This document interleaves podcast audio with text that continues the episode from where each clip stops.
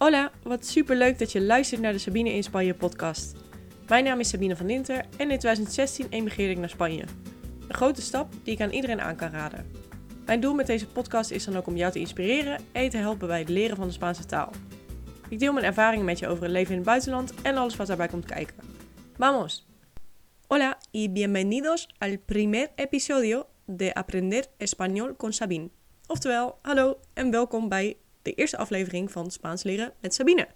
Nou, zoals ehm, ik al aan het begin van eh, het seizoen heb verteld, um, dit seizoen zal ik me gaan richten op drie verschillende categorieën. En eentje daarvan is uh, Spaans leren, want ik merk dat daar heel veel behoefte aan is.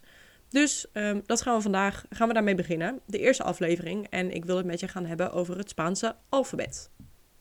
Nou, en als je aan de slag gaat met het Spaanse alfabet, dan zul je al snel merken dat het niet zoals in het Nederlandse alfabet bestaat uit 26 letters, maar uit 27 letters. En waar komt die 27e letter nou vandaan? Nou, dat is de ñ. ñ.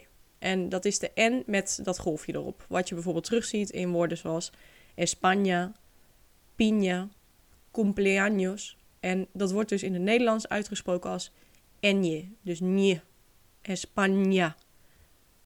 En een van de eerste dingen die ik zou willen aanraden als je uh, de Spaanse taal gaat leren, is om het alfabet te leren. Um, zoals we dat in Nederlands ook hebben, zeg maar. Dat liedje van A, B, C, D, E, F, G. Nou, dat hebben ze dus in Spaans ook. Dus die wil ik even met je door gaan nemen. Um, letter voor letter, om te kijken dus hoe je bijvoorbeeld als je je naam moet spellen... of um, ja, wat dan ook, als je überhaupt iets moet spellen aan de telefoon bijvoorbeeld... hoe je dan die letters kunt zeggen. Nou, gaan we beginnen met de A, is A. Makkelijk. B is B. V. V. Daarbij moet je dus echt die tong tegen je tanden aanzetten. Dat is de C. V. D. E. F.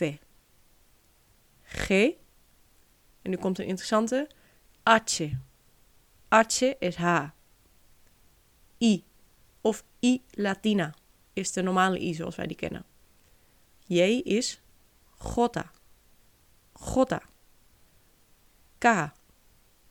L, M, N, en nu dus de N met dat golfje erop, N, O, P, Q, dus niet Q, maar Q, R, laat die R lekker rollen, R, S, T, U, dus niet de U, maar de U, net zoals bij Q, um, zeggen ze dus Q en U in het Nederlands, maar in het Spaans is het dus Q en U. De V is UB, de W is UW, X is X, uh, Griekse I is I, Y, oftewel Griekse I. En de laatste letter is de Z, theta. Nou, laten we dus nog even allemaal door gaan nemen. A, B, V, D, E, F, G, H, I. Of I Latina, J, K, L, M, N, N, O, P, Q, R, S, T, U, V, W, X, Y en Z. Nou, er zijn natuurlijk nog veel meer dingen die ik je uit kan leggen over het alfabet. Zoals wanneer je bijvoorbeeld uh, de C uitspreekt als een K, zoals in casa.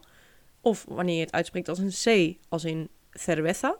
Maar daarvoor zou ik je aanraden om um, je alvast in te schrijven op de wachtlijst van de Zelf Spaans Leren Academie. Want daar heb ik een hele les over het alfabet. Um, waarbij we dus echt gaan kijken naar de grammatica erachter. En ja, waarbij ik je dus alle trucs en regeltjes vertel, zodat je precies weet hoe je de letters ook uit kunt spreken in woorden. Dus um, ja, dat zou ik even aanraden om te gaan doen op mijn website sabineinspanje.nl. En um, ik zie je heel graag volgende week weer. Hasta la semana que viene. Adiós.